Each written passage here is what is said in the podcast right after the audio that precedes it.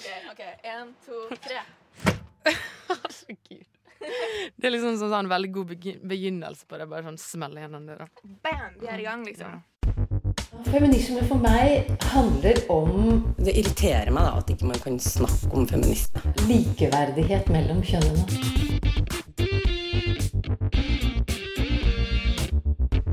Det blikket på kvinnen på film. handlet det om å bli tatt på alvor som jente. Du hører på Et eget rom på Radio Nova. Skuespiller Olivia Colman, som eh, spiller dronning Elizabeth i Netflix-serien The Crown, mener at den britiske dronningen er den ultimate feminist. Men er hun ikke litt for konservativ for det, da? I dagens episode av Et eget rom diskuterer vi hvorvidt konservativisme og feminisme er forenlige.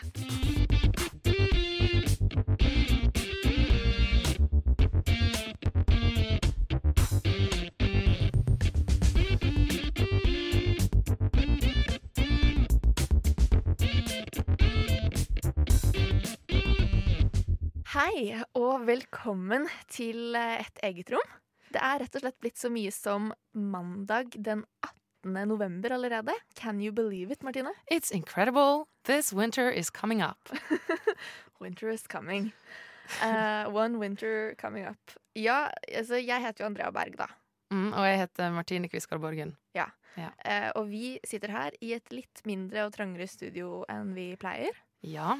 Eh, litt mørkere. Det har ikke noe vindu eh, til, til verden ut der ute. Så vi kan ikke liksom gjøre den sånn obligatoriske snakke om været-greia. Nei, jeg ser det skinner litt inn i et annet rom, Ja, men Men det er jo på en måte sånn vi, vi spiller også dette inn dagen før du som hører på, hører. Så det er kanskje ikke så relevant heller. Nei, men i går var det veldig ganske fint vær. I naborommet. Ja. Men eh, det har seg altså sånn at vi skal snakke om Hva skal vi snakke om? Konservativisme ja. og feminisme. Mm. To ismer som kanskje ikke er så nært relatert. Kanskje ikke, nei. Hvor vil du plassere dem i slektstreet i forhold til hverandre? Ja, altså Noen vil jo plassere dem ganske likt hverandre, Ja. men jeg syns det virker som at de er ganske langt fra hverandre. De er kanskje det begrepsmessig. Sånn intuitivt så tenker jeg sånn firmenninger. De er i Å ja, i slektstre. Ja, mm, Vil- Firemeldinger. De er i slekt, men de, ikke, de har ikke hørt om hverandre, egentlig. Ja. Nei da. Vi skal finne ut dette her litt mer. Vi skal ikke komme med altfor mange konklusjoner allerede. Um, vi, eh, skal, vi kom jo egentlig på dette temaet med litt sånn lættis grunn, som er at eh, Hva er det hun heter da? Olivia. Colman. Olivia Colman. Mm. eh, Hun har liksom ment ute der i verden på internettet at eh, dronning Elisabeth er den ultimate feminist. Mm. Um, nå vet ikke jeg, øh, du, du som hører på, hva slags forhold du har til dronning Elisabeth, men jeg ser for meg sånn en dame som kaster litt opp i munnen sin hver gang noen eh, liksom viser en armhule med hår. Kanskje det. Kommer det av at hun er litt, har blitt gammel, eller? Kanskje det er litt sånn ageism inni bildet, ja. Ja, kanskje. kanskje jeg har litt fordommer fordi hun er så gammel. Mm. Um, ja. Men hun er jo på en måte Ja, vi skal snakke mer om det, i hvert fall. Ja, vi kommer tilbake til det. Vi kommer tilbake til det. Vi skal snakke om det konservative, vi skal snakke om feminisme. Prøve å liksom rote litt rundt i definisjonene. Fordi vi sitter kanskje med litt fordommer som ikke nødvendigvis er helt sånn presise når man skal prøve å liksom sette fingeren på hva disse tingene betyr. Eller. Mm. Vi er enige der? Jeg tror vi er enige der. Foreløpig er vi Jeg syns det litt, kan være litt forvirrende, rett og slett. Ja, det er jo forvirrende med definisjoner, og jeg tror det er jo kanskje det som er så spennende med dem. da, At det kommer veldig an på hvem man spør, og hvilken nettside man går inn på. Ja, ikke Eh, sant? hvilken definisjon man finner, selv om man tenker at det skal være en objektiv ting. Men det skal vi altså komme tilbake til eh, veldig snart. Men aller først så skal eh, det første liksom, innlegget i denne debatten eh, Det skal komme fra Simon Gramvik i et eget rom. Og han skal få liksom, forklare litt definisjoner, eh, ha en liten eksistensiell krise. Eh, typisk eh, Simon-ting. Så det kommer nå. Konservativ feminisme. Ordene har en ettersmak, ikke bare for feminister, men også for konservative. Hvem er denne sjeldne ideologiske rasen, og hva er det de ønsker å konservere? Vår reise begynner på Store norske leksikon, som definerer konservativisme som en livsholdning som vil bevare og bygge videre på nedarva verdier, og som stiller seg avvisende til endringer som kan ødelegge disse verdiene. Vi gjør også et forsøk på å spikre fast feministbegrepet. Det kan defineres som en virksomhet som handler om frihet, likestilling og rettferdighet for alle, uavhengig av kjønn. Dersom feminister lengter etter frihet, likestilling og rettferdighet for alle, uavhengig av kjønn, lengter de etter noe som er ganske fjernt fra den virkeligheten vi lever i nå. Man blir nødt til å spørre seg dersom likestilling er en prosess mot noe som ligger bortenfor horisonten, er tradisjonelle verdier riktig drivstoff for å drive vogna fremover? Kan man drifte en dieselbil på bare vann? Og dersom likestilling er et mål, kan man oppnå dette målet uten å røre ved kulturens grunnmur? Spørsmålene gjør meg svimmel i hodet. Man blir nødt til å undre seg om de konservative virkelig er så forandringsfiendtlige som man skal ha det til. Ifølge tankesmia Civita sier konservative forsiktig nja til mild reform. De beskrives som en ikke-ideologisk ideologi. Staten skal være svak, og ingen bestemt gruppering skal styre showet. De sier fuck totalitarisme og fuck revolusjon. Konservativismens motto er en merkelig selvmotsigelse, nemlig å forandre for å bevare. Politikere er kosmetikere som fyller loven med Botox for å holde nasjonen ung og frisk. Et annet poeng for de konservative er at mennesket er dummere enn de tror. Ja, alle er farga av sine omstendigheter. Derfor skal man være skeptisk til folk som tror at de har funnet svaret. Ideologer som Marx og Mussolini er noen skumle predikanter. Utopiske visjoner er fine på papiret, men fungerer ikke i praksis. Er feminisme en visjonær bevegelse? Eller ser feminister på samfunnet som en gammel stol, hvor det eneste man trenger å gjøre, er å justere stolryggen for å øke komforten?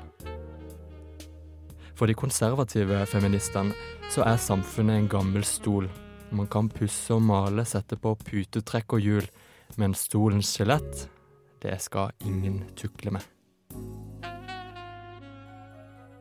Det var eh, Simon Gramvik som eh, fortalte, ga oss en liten innføring i eh, definisjonene på det konservative og det feministiske, og hvor de kanskje krasjer litt. Ja.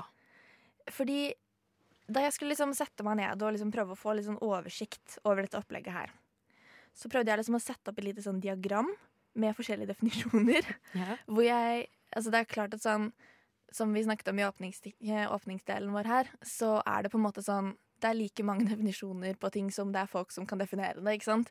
ja Um, føler det. og når det handler om sånn uh, verdigrunnlag, så tror jeg det ofte blir veldig personlig. Ikke sant? Fordi folk definerer ofte identiteten sin etter det. Ikke sant? Sånn, jeg er liberalist, jeg er sosialist. Mm. Um, vi så kanskje særlig det da den jævla sosialistkampanjen gikk i fjor, ikke sant? Um, men Eller var det tidligere? Jeg tror det var Jeg i vet ikke, jeg tror det var i fjor. Ja. Um, men men eh, konservativisme uh, jeg, tenk, jeg liksom prøvde å dele det opp og tenkte at kanskje det, liksom, hovedspørsmålet går på om uh, Er det uh, A? noe som en, en, et verdisyn hvor man ønsker å bevare hold, liksom, samfunnet sånn som det er i dag, og liksom tradisjonelle verdier. Mhm.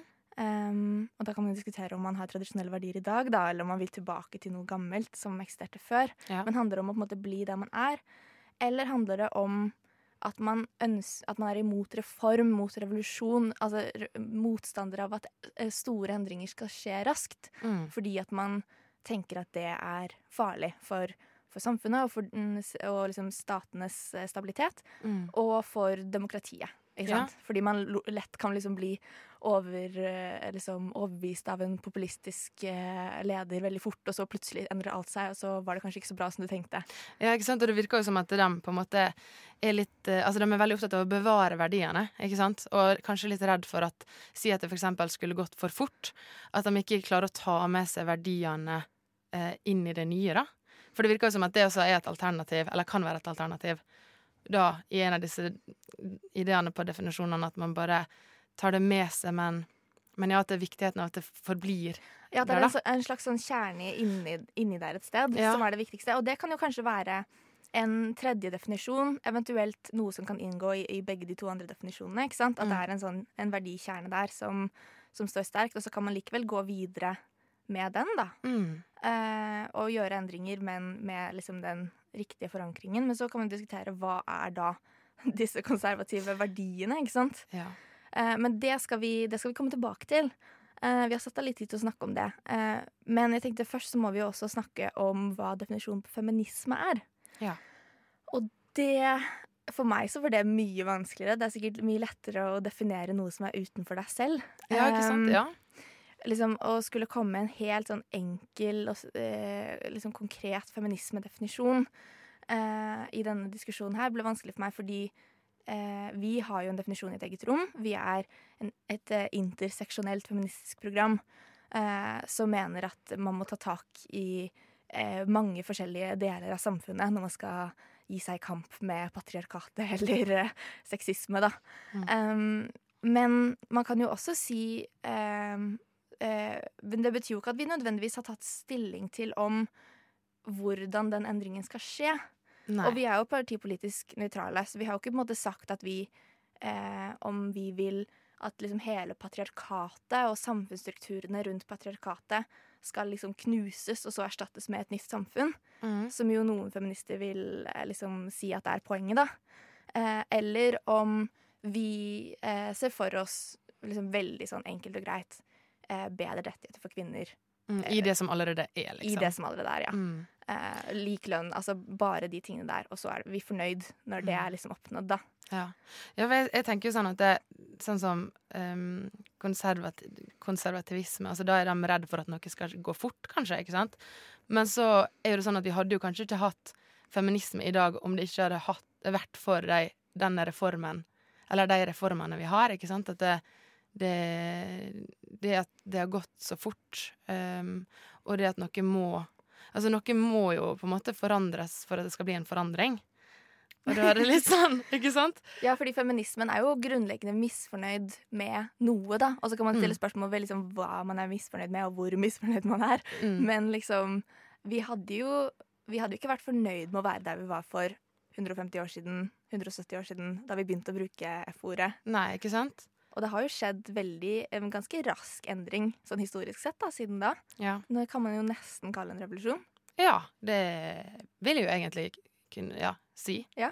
Altså, ja. Men sånn, hvis vi tar disse fire definisjonene, da, så er det jo åpenbart at hvis vi setter opp liksom de to mest ekstreme, da, hvis vi kan bruke det ordet, eh, definisjonene mot hverandre, Mm. så er jo, ser jo på en måte som jo blir at konservativisme vil beholde tradisjonelle verdier, og feminisme vil avvikle hele patriarkatet, og eh, kanskje også eh, kapitalismen.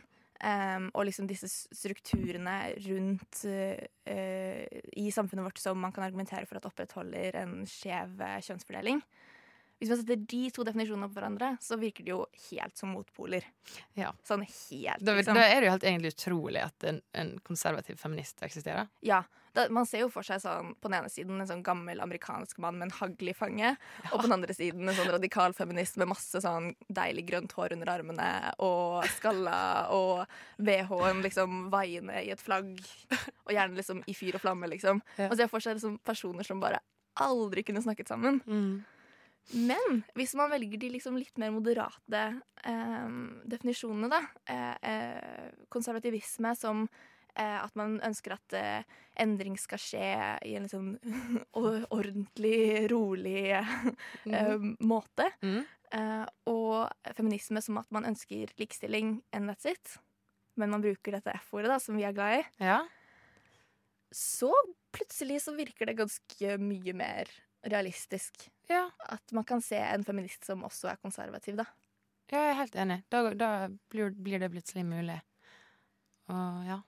Men um, vi, vi, vi skal mer inn på dette her med verdier som du tok opp, og jeg tror at det er kanskje kjernen i konflikten, er dette her med verdier. Hva slags meninger har en typisk konservativ person, og hva slags meninger har en typisk feminist? Mm. Og er de meningene noe som kan komme overens med hverandre? Det skal vi snakke mer om. Men aller først så skal vi høre en sang som heter uh, That Chic. Og det er det Nei, det er bandet som heter det. Og så er det Watch Me Go. Som Uh, er sangen, da. Ja. Kult. I'm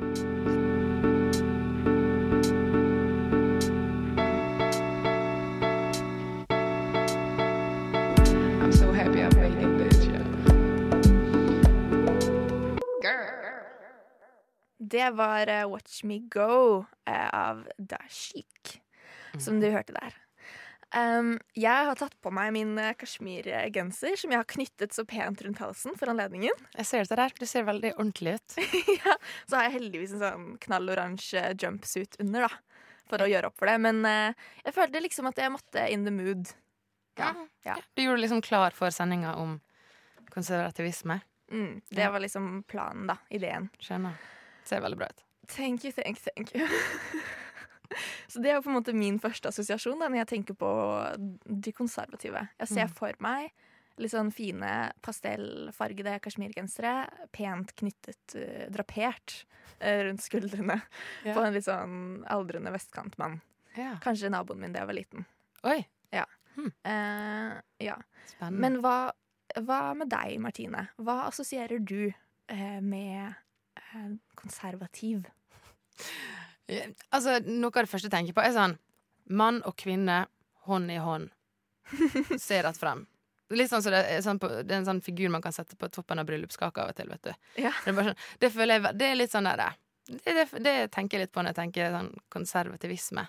At det, det, måte, det er så tilbake til sånn det på en måte var helt sånn originalt. da, ikke sant? Litt sånn som vi har snakka om.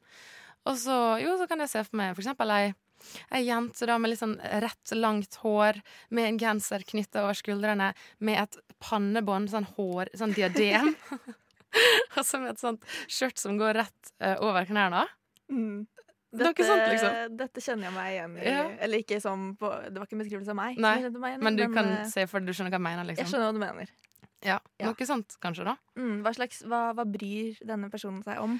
Nei, egentlig så har den ganske mange tanker inni seg, men den kan liksom ikke Den får ikke alt ut. Den er ganske opptatt av å være sånn som mor og far ønsker at hun skal være.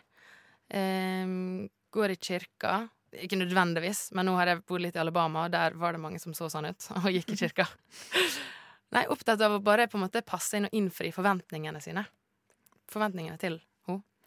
Ja, forventninger det er kanskje et stikkord, da, fordi det handler jo veldig om at man er opptatt av at ting skal at ting, Sånn som ting alltid har vært. Ja, nettopp. Det er en grunn til at det blir en, ja, det er en grunn til at det blir en forventning, liksom. Ja. Fordi at det har vært sånn. Det har vært sånn, og det skal det fortsette å være, liksom. Mm. Men um, når man, ja, når man liksom tenker på disse typiske konservative verdiene, så assosierer man jo til ganske tradisjonelle kjønnsmønstre. Litt sånn som det du beskrev, da, toppen av denne bry bryllupskaken. Mm. Og da er det kanskje ikke så rart at når disse uh, borgerlige feministene uh, tropper opp på 8. mars, Mm. Så på parolemøtet, Mm. så føler de seg ikke helt ordentlig så veldig godt tatt imot. Nei. Og det er jo det mange som har skrevet mye om også. Og, og det har jo blitt en debatt rundt det. Mm. Det at det, det, vi er alle kvinner, og alle vil gå i det toget på 8. mars. Men så har vi litt politisk uh, ulike politiske ståsted.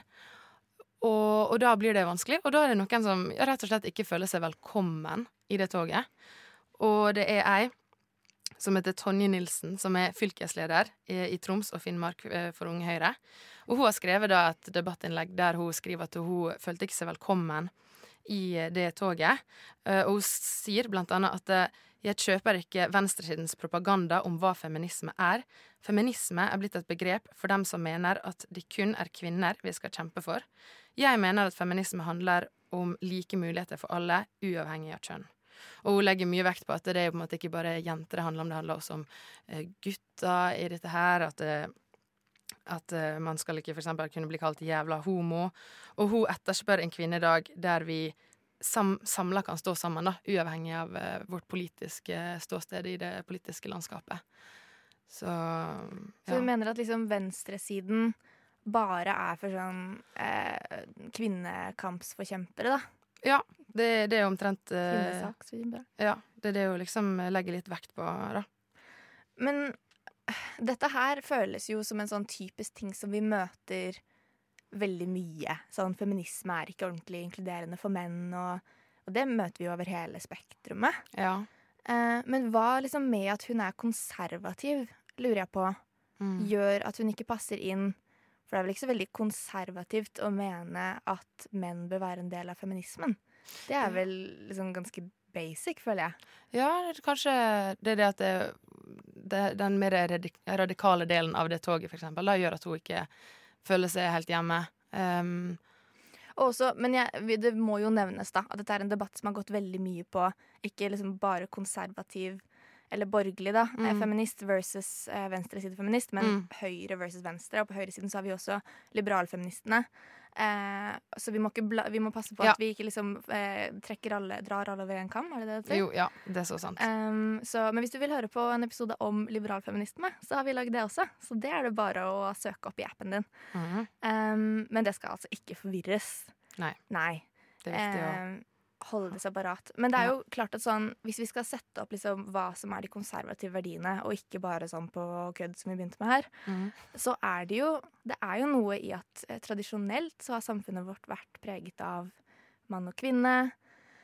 Ehm, hvis vi tenker også kristenkonservativt, så han, er de, de som vi ser i samfunnet vårt, eh, som representerer det verdisynet ehm, Kanskje liksom mest kjent eh, Kjell Ingolf Ropstad. Mm. Er jo skeptisk til eh, fosterreduksjon. Eh, vil ikke gå i pride. Um, det er jo en del ting som eh, jeg opplever, og det er jo personlig for meg, fordi min feminisme er veldig annerledes enn det, Mm. eh, som totalt uforenlig med, med feminisme. Ja. Men, men kanskje femin, men, så det er kanskje en veldig sånn Men kanskje det kan være en feminisme, men en veldig sånn streit, hvit feminisme. ja, altså det er jo det, da. Man kan jo definere det på så mange måter, så det kan jo hende at det funker for noen. Mm. Og så har vi jo en, eh, en gren innenfor feminisme som ikke er så veldig stor, da skal det nevnes, som heter eh, forskjellsfeminister.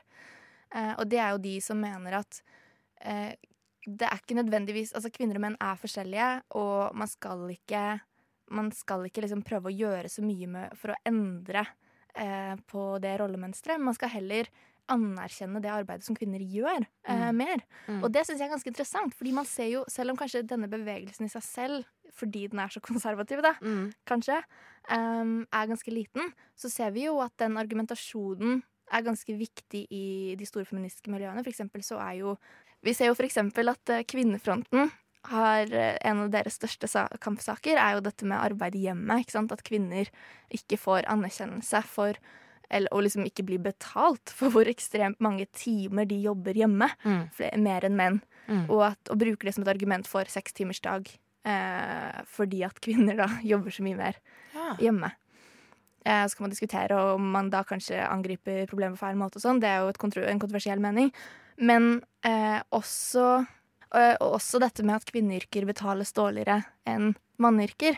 Vi har jo nesten lik lønn for likt arbeid i Norge i dag, men vi ser jo at de, de yrkene som har flere kvinner i seg, blir dårligere betalt, og derfor har vi likevel fortsatt et, eh, en stor skeivhet i eh, lønning av kvinner og menn. ja. Og det også henger jo sammen med det, med hvordan man, i hvilken grad man verdsetter eh, kvinnens arbeid og bidrag til samfunnet. Så på den måten så er det sånn, det er en veldig liten og liksom nisjebevegelse, føler jeg, men som også har noen store, viktige poenger som er ganske dominerende i den feministiske diskursen. Mm. Så kanskje vi ikke skal avfeie disse konservative feministene altfor fort. Nei, de har absolutt et godt poeng der, altså. Mm. Det tror jeg det er jo kjemperelevant, egentlig. Eh, disse forskjellsfeministene de skal vi høre mer om. Og det er Linda Rosenberg som skal ta oss gjennom det. Og den liksom lengre historien til borgerlig feminisme. Uh, så da kommer det nå.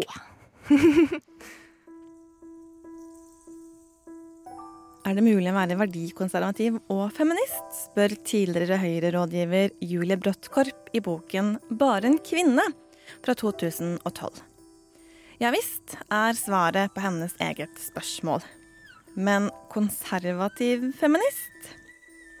Heller en borgerlig feminist, ifølge forfatteren selv. Ikke fordi hun mener at konservativ og feminisme ikke passer sammen, for Bråttkorp så handler det heller om å definere seg inn i et større feministisk fellesskap på den borgerlige siden, på tvers av partigrenser. Så finnes det en tydelig konservativ feminisme i Norge. På 70-tallet samarbeidet kvinner på venstre- og høyresiden om bl.a. abortrettigheter, om å skape et større fokus på seksualisert vold og for å synliggjøre den lave andelen kvinnelige politikere. Og selv om det var i dette tiåret at radikalfeminismen vokste frem, så var det fremdeles en liberalfeministisk gruppering å spore. I dag er det lite synlig samarbeid mellom de politiske sidene. Men selv om statsminister Erna Solberg stadig flørter litt med KrF og deres verdier for å holde KrF på laget, så har hun møtt motstand i egne rekker. Reservasjonsretten ikke så populært hos en del Høyre-kvinner. At alvorlig sykdom hos fosteret ikke skal være selvstendig abortgrunn etter uke tolv. Intern strid i partiet. Kontantstøtte. Uenighet med en tydelig nei-side. Fedrekvote. Uenighet med en stadig tydeligere ja-side. Selv i konservative Høyre virker de klareste likestillingsstemmene å ha et liberalfeministisk synspunkt. Men hva med tidligere? La oss gå tilbake til den såkalte første bølgen, som startet rundt 1850.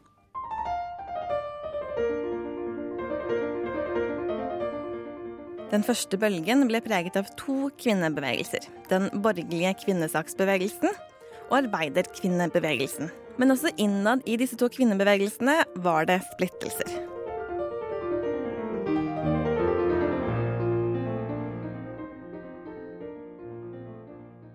I den borgerlige kvinnesaksbevegelsen hadde man på den ene siden de liberale. De som mente at kvinner og menn burde ha de samme rettighetene og frihetene. Og som kjempet for at kvinner skulle få ytringsfrihet, bevegelsesfrihet, stemmerett, organisasjonsfrihet, arverett, adgang til utdanning og yrkesliv, eiendomsrett og næringsfrihet, altså muligheten til å drive egen næringsvirksomhet. De liberale hadde med andre ord et likhetsfeministisk synspunkt til grunn for sitt arbeid. Men på den borgerlige siden hadde man også forskjellsfeministene. Disse kvinnene tok avstand fra ideen om at kvinner skulle kreve det samme som menn. Forskjellsfeministene var opptatt av at kvinner og menn er forskjellige, og derfor burde ha forskjellige oppgaver. Fremfor å kjempe for de samme rettighetene og frihetene som menn hadde, burde kvinnebevegelsen heller kjempe for en større anerkjennelse av det som ble sett på som kvinnetypiske virksomheter, verdier og erfaringer. Kvinnekampen burde med andre ord være en kulturkamp for en høyere verdsetting av dyder som omsorg, ansvar, anstendighet, følelsesmessig varhet og klokskap i praktiske og mellommenneskelige forhold.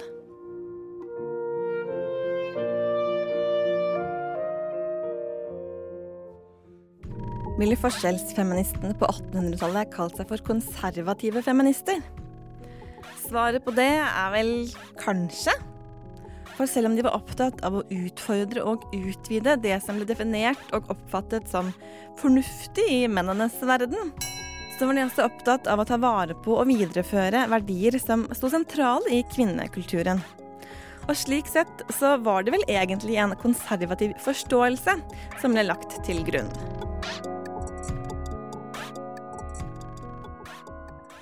Ja, det var Linda der som ga oss en veldig god eh, innføring i borgerlig feministisk historie. Um, som jo Jeg føler sånn før vi begynte på dette her, kunne jo ingenting om det. Virkelig ingenting. Nei, Ikke heller. Nå er jeg opplyst. Mm, Eller Takk, Linda. Takk til Linda og til Simon. Ja. Eh, og litt til internett. Ja. Mm, ja, men vi er ikke ferdige ennå, altså. Um, vi må jo tilbake til begynnelsen. Fordi som sagt, altså, visste jeg visste ingenting om borgerlig feminisme. Veldig lite om konservativisme, feminisme, går de overens, bla, bla, bla. Men så kom jeg over dette, um, denne artikkelen fra The Guardian. Mens jeg sitter og prokrastinerer eh, faktisk jobb. Eh, og der står det at eh, fabelaktige Olivia Colman mener at uh, dronning Elisabeth er den ultimate feminist. Kan du forklare hva som har skjedd her, Martine? Yes, let me explain. Nei, fordi uh, Olivia Colman hun er jo en kjent britisk skuespillerinne. Som da har uh, spilt Elisabeth 2. i nå en Netflix-serie som heter The Crown. Og da når hun har tatt for seg denne rolla, så har hun gjort et grundig karakterarbeid. ikke sant? Skal jo lære seg hvordan denne dronninga er. Og da har hun som sagt uttalt seg om at eh, hun er the ultimate feminist, og hun eh, eh, Olivia Colman ser på dronning Elisabeth den andre som eh, en extraordinary woman. Extraordinary. Extraordinary. Ja, og, eh, og, og, og poenget er jo da at eh, Olivia Colman har um, støtta et litt eh, Altså støtta um, ulike politiske parti enn monarkiet. Altså, hun har kanskje ikke vært så fan av monarkiet, hun har vært litt mer på venstresida i det politiske landskapet. Som typisk er litt mer for liksom, republikanere og sånn, da. Ja, ikke sant? Ja. Så de har liksom Hun har, de har ikke vært helt enig da, kanskje. Mm. Eh, men allikevel da så syns hun at hun er en feminist. Og, og så begrunner hun det da litt med å si at eh, hun er jo blant annet Ja, det, det begrunner hun bare Altså hun sier bare det fordi hun er en extraordinary woman, at hun er eh, avbilda på pengesedlene deres i Storbritannia. Det er jo kult. Mm. Eh, men så liksom litt sånne feministiske Ting som dronningen har gjort. ja, er jo for eksempel da at prins Philip eh, han må gå bak henne under sånne seremonier og sånt. Og jeg sjekka litt hvorfor, og det er fordi at hun er viktigst, liksom. Altså det, det er kult. Hun har jo mer makt enn han, ikke sant. Hun er jo dronning over så mange land. Eh, og så eh, drev hun visst og fiksa biler under andre verdenskrig. Handy woman. Og det var jo på den tida der det ikke var så vanlig heller, ikke sant. Uh, og så en gang så hadde hun visst insistert på å kjøre, da kongen eh, av Saudi-Arabia, og i Saudi-Arabia så får ikke kvinner lov til å kjøre. Så det er jo ganske kult. Så hun har jo vært litt bevisst i de valgene hun har tatt også. Det syns jeg er ganske stilig. Det visste jeg ikke, men eh, det er veldig kult å se. Så ja. Ja, det syns jeg også. Jeg syns kanskje særlig den siste. Mm. Fordi det virker jo ganske mye mer politisk enn de andre, da. Ja, ja. For de andre er mer sånn Hun gjør litt sånn kule ting. Mm. Og på en måte eh, dette med at hun går foran prins Philip, det er, det er veldig symbolsk sterkt. Sånn, Ja. Man, man syns jo det er kult når man ser bilder av det. Mm, men det, på en måte, det, hadde, det har jo ikke noe med feminist Det er ikke feministisk Nei. valg. Det har, det, hvis hun hadde vært en mann og han hadde vært en kvinne, ja så hadde han også gått foran henne, og da hadde vi hatt det, liksom. Ja. Um, sånn at det på en måte jeg, Og hun er jo erkekonservativ. Det var på en måte derfor jeg stusset. ikke sant? Fordi Mm. man tenker sånn Dronning Elisabeth, feminist. Hun vil jo sikkert aldri kalle seg selv feminist. Mm. Ever. Så hvordan kan hun være den ultimate feminist? Ja, det... det- virket som en veldig drøy overdrivelse for meg. Ja. Um, men, og det har jo selvsagt fått et motsvar. Sant? Så jeg tenkte jeg skulle liksom lese et lite, eh, et lite sitat fra det motsvaret Mm. um, som ble skrevet av Sadaf eh, Asan for eh, The Western Star. Um, han sier uh, While all of these things, da refererer han til den samme listen som du har lest, Ja. are true, they don't necessarily make her a feminist, a label that is really only defined by one simple thing advocating for gender equality. Mm. Og det syns jeg var kjempefascinerende. Fordi um, med en gang så var jeg sånn eh, Ja! Hun er jo ikke feminist hvis hun ikke jobber for feminisme. Mm. Men må man jobbe aktivt for feminisme for å være feminist? Ja, det er akkurat det. Kan ikke man, jeg har tenkt på det, kan, kan man bare, er det nok å bare være? Må man liksom skrike ut at 'jeg er feminist'? For å på en måte være feminist og bidra til den bevegelsen. ikke sant? Det er jo, det er jo litt sånn motstridig, nesten. At man ikke bare kan få lov til å være, men at på en måte for at bevegelsen skal fungere og gå fremover, så må man liksom skrike det ut. Det, det er kanskje litt sånn det er, da? Ja, men, men kan, ja, jeg skjønner hvor du kommer fra, for menn må jo ikke liksom løpe rundt og, og rope ut Eller Men de har jo heller ikke noen eh, De har jo også en sterk posisjon i samfunnet. Ja, ja men det er akkurat, det er på en måte det som er poenget. ja. Og så tenker jeg særlig når det kommer til kvinner som har maktposisjoner, sånn som dronning Elisabeth, og sånn som oss, i, som ikke er mektige på samme måte som dronning Elisabeth, Nei. men i at vi er liksom hvite cis-kvinner, og vi har tilgang på dette radioprogrammet, Mm. eh, og på den plattformen som det er, så har man også kanskje et ansvar for å løpe rundt og skrike litt, da. Ja, det er jo det, ja, så det er det ansvaret, ja. Det er det det handler litt om. At, eh, Hun- hun, hun kunne ha gjort mer for feminismen veldig enkelt, da, på en måte. Ja. Men så er spørsmålet sånn, hvor mye kan hun egentlig gjøre i den posisjonen hun har? Da? Det er jo en Mm. rolle med veldig stramme rammer, ikke sant? Mm. Og um, prinsesse Diana ble jo, liksom, ble jo eh, kalt superradikal bare for å gå med liksom feil type hansker eller feil snitt på kjolen til feil anledning. Så var det bare sånn ramaskrik, liksom. Ja. Så kan du se for deg hva som hadde skjedd hvis dronningen skulle gå ut og bruke et så politisk ladd ord som feminisme, da. Ja, men Det virker jo som at de nesten har prøvd å snike seg litt rundt de reglene de er satt til å følge. Ved jo da for eksempel at hun kjørte han eh, kongen fra Saudi-Arabia. Eller bare at hun fiksa biler. Ikke nødvendigvis at det må være en greie, men ja, det virker som at de prøver seg litt. da Eller at hun har gjort det. Ja, så hun kanskje er litt sånn dobbeltagent, egentlig. Ja, Kanskje hun egentlig vil kjempe for feminisme, men eh, settinga rundt henne gjør at hun liksom ikke kan gjøre det i like stor grad. Hvem Mhm. vet? Men, så, men da kjenner jeg at da kommer jeg tilbake til dit jeg alltid kommer tilbake til, Mm. som er interseksjonalitet, som jo inngår i vår eh, liksom, eh, formålsparagraf i et eget rom.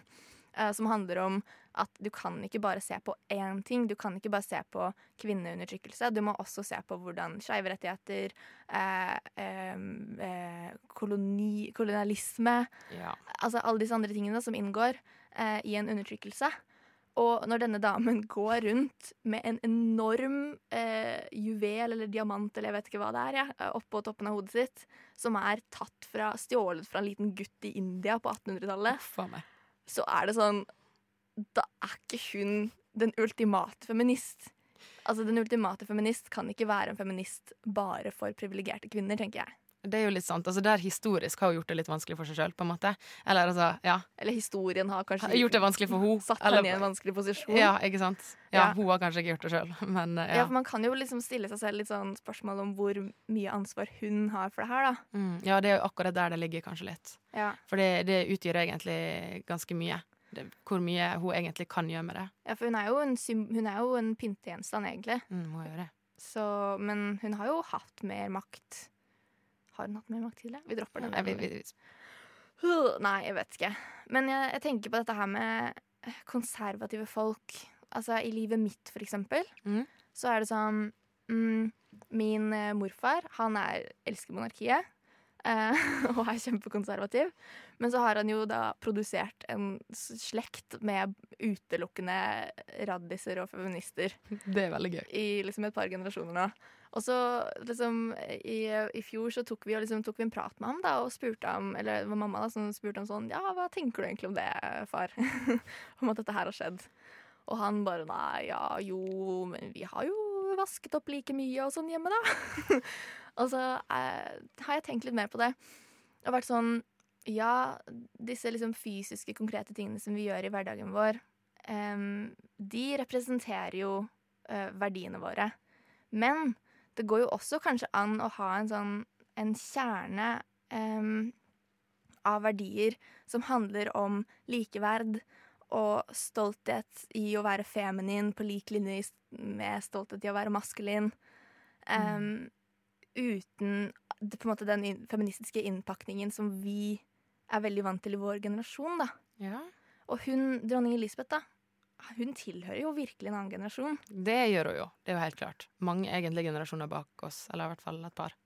Så jeg liksom tenkte på at sånn, kanskje vi er litt altså nå, nå trekker jeg ikke tilbake min kritikk av liksom, mangelen på forståelse av kolonitiden og sånn. Mm. Det står jeg ved. Men jeg tenkte litt på at kanskje vi er litt for opptatt av innpakningen til feminisme, da. Vi er litt for opptatt av at en feminist er en dårlig feminist hvis hun går i sminke, eller hvis hun går i kirken, så støtter hun en institusjon som har gjort overgrep på. Altså, liksom, hvor langt skal man trekke den? da? Hvor streng skal man være med andre feminister? Ja, det er jo sant. Og er ikke det egentlig bare godt at de flest mulig vil være feminist? Altså sånn, På hvert fall mange områder, da. Mm. Det syns jeg egentlig er liksom en, eh, en fin konklusjon på Mm, dette resonnementet her. Rett og slett. Rett og slett. Så da, da sier vi takk for det, og så spiller vi en liten låt, og så kommer vi tilbake om et par minutter.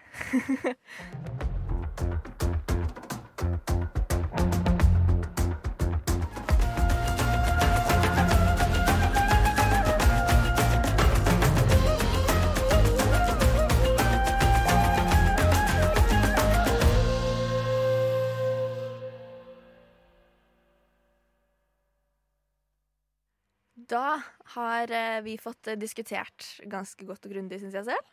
Eh, Ja. ja. Vi har vært inne på mye.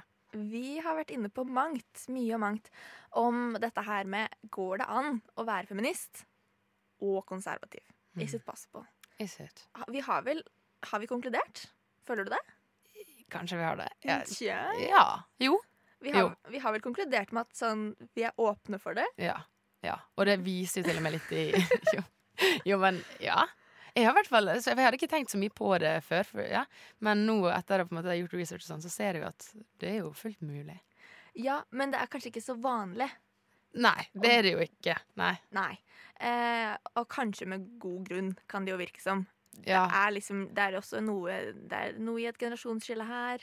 Og det litt, viser seg jo at det er jo litt problematisk i ulike tog og Ja. Ja. Mm. Uh, men, så jeg tenkte vi kunne liksom runde av litt med, uh, på denne diskusjonen her med å snakke om sånn Hvor er vi i dag? Er det egentlig en reell problemstilling? Hva, hva tenker du om det?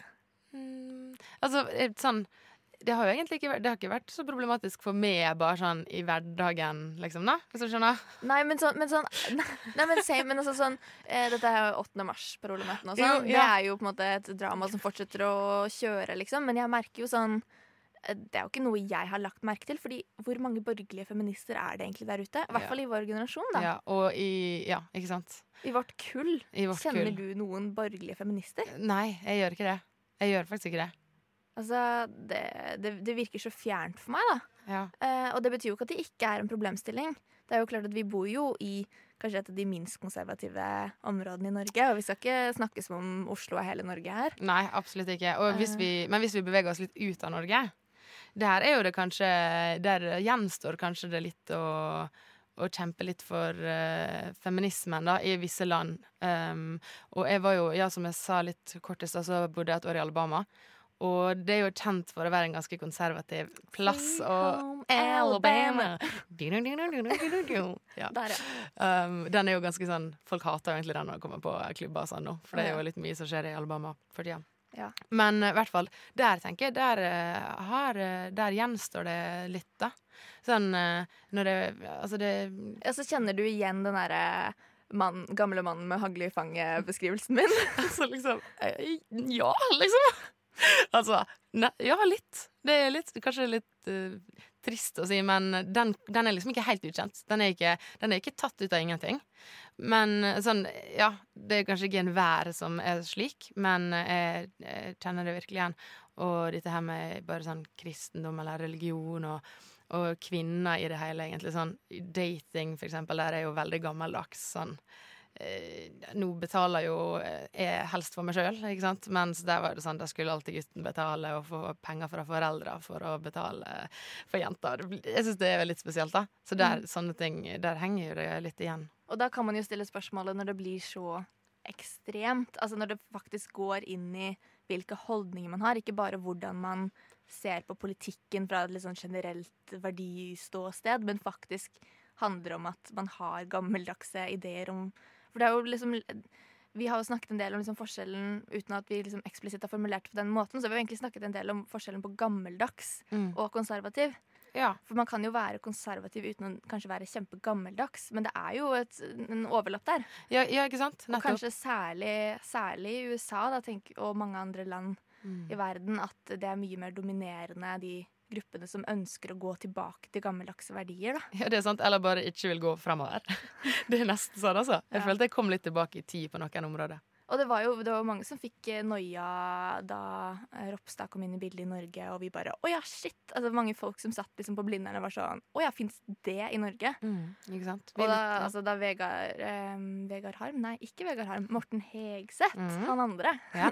lagde denne Ja. homoterapiserien. Ja. Også så var det jo bare sånn wow! Er det folk som mener sånt i Norge i dag? Ikke sant? Vi vi er nesten kanskje litt blind for det, eller ja, fordi man tenker bare at ja, Norge, her, her er ikke vi sånn, her er vi liksom så åpne og Men det er kanskje også derfor vi får så, syns det virker så fjernt at en feminist kan tilhøre et sånn type miljø, da. Ikke sant? Ja. Eh, eller i hvert fall ha, ha noe til felles med et sånt type miljø, om ikke dele akkurat de holdningene. Nei. Ja. Nei, men uh, vi, vi kan ikke snakke for alltid, Martine. Vi kan ikke det. Vi kunne sikkert ha gjort det, men vi kan ikke det. Vi kunne, men vi kan ikke. Yeah. Yes. Vi konkluderer med det. Dere, dere skal straks få um, ukens feministiske nyheter. Uh, men uh, aller først så skal du høre en liten melodi. Can I begin?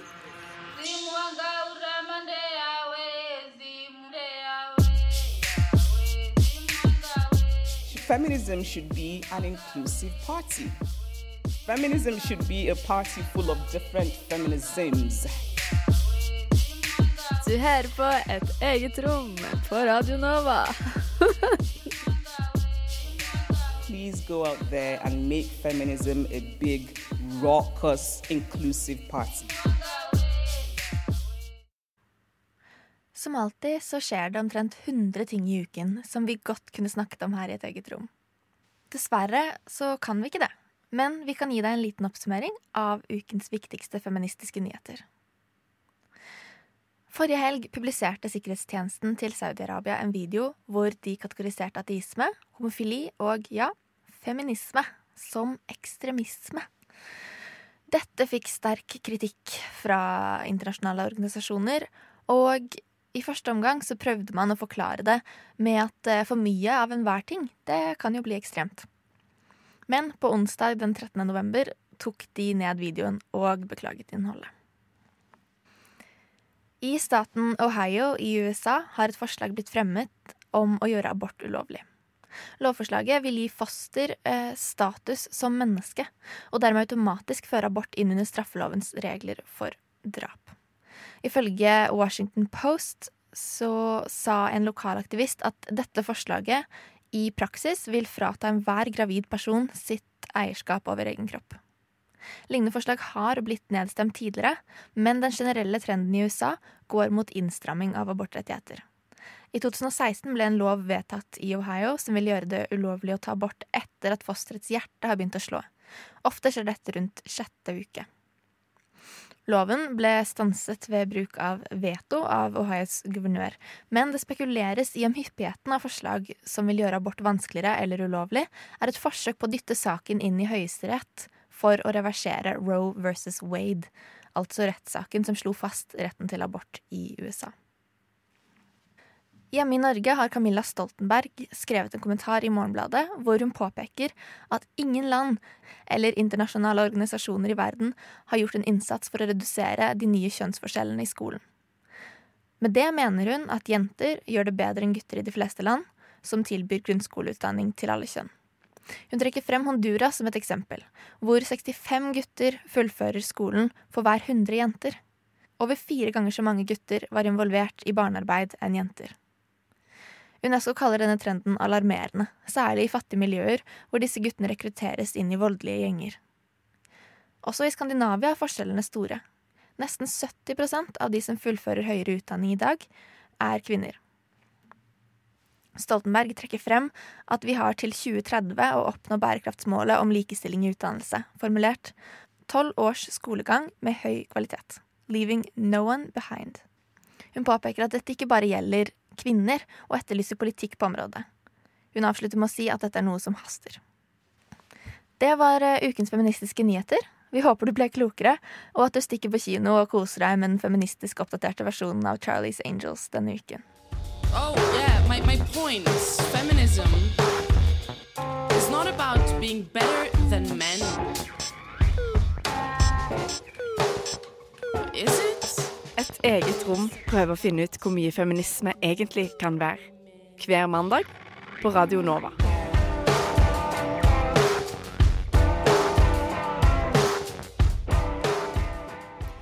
Du har hørt en episode av Et eget rom.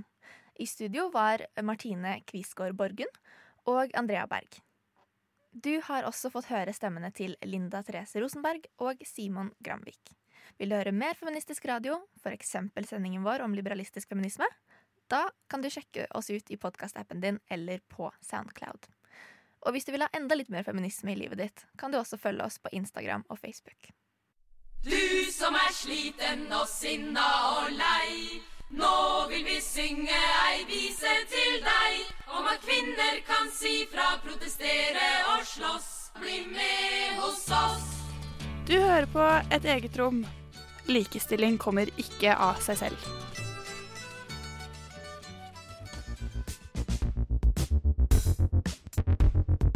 Du har hørt en podkast fra Et eget rom på Radio Nova. Vil du høre mer? Sjekk ut Et eget rom på Facebook, Instagram eller radionova.no.